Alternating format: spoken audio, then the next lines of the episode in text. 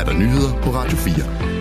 Forældre til skolebørn i hele Odense Kommune er rykket sammen for at rette kritik af kommunen og udtrykke bekymring. Det fremgår af et brev, der er sendt til kommunen fra skolebestyrelserne fra samtlige 30 folkeskoler i Odense Kommune. Brevet kommer i kølvandet på, at Adrup Skole i kommunen kom i søgelyset i sidste uge efter at godt 100 forældre i et brev berettede om en række voldsomme hændelser på skolen, som blandt andet omhandlede trusler med kniv og voldelig adfærd.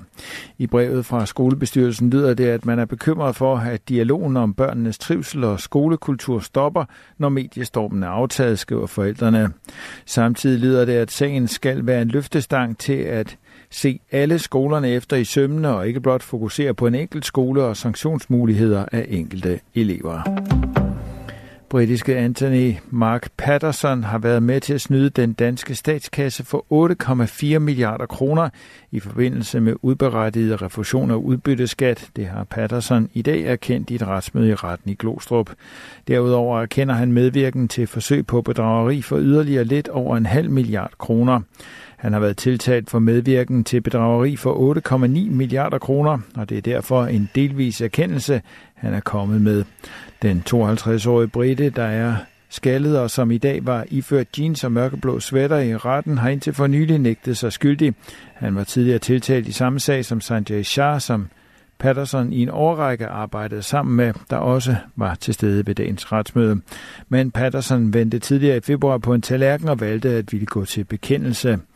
Patterson har nu erkendt, at han bistod Sanjay Shah i det omfattende bedrageri mod de danske skattemyndigheder. Ifølge Patterson selv tjente han 100 millioner kroner på det.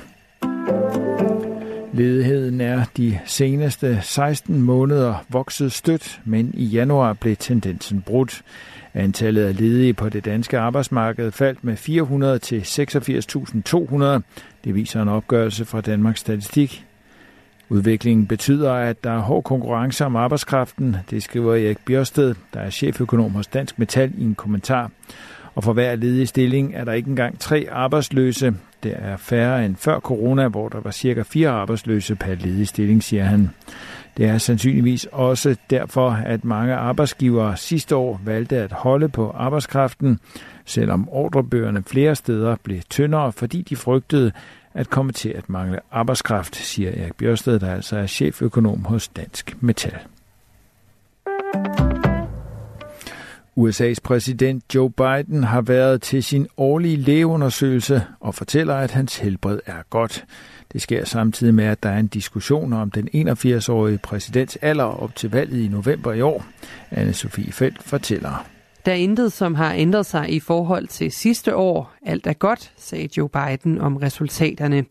Sidste år blev Biden erklæret i stand til at udføre sine opgaver som præsident til fulde.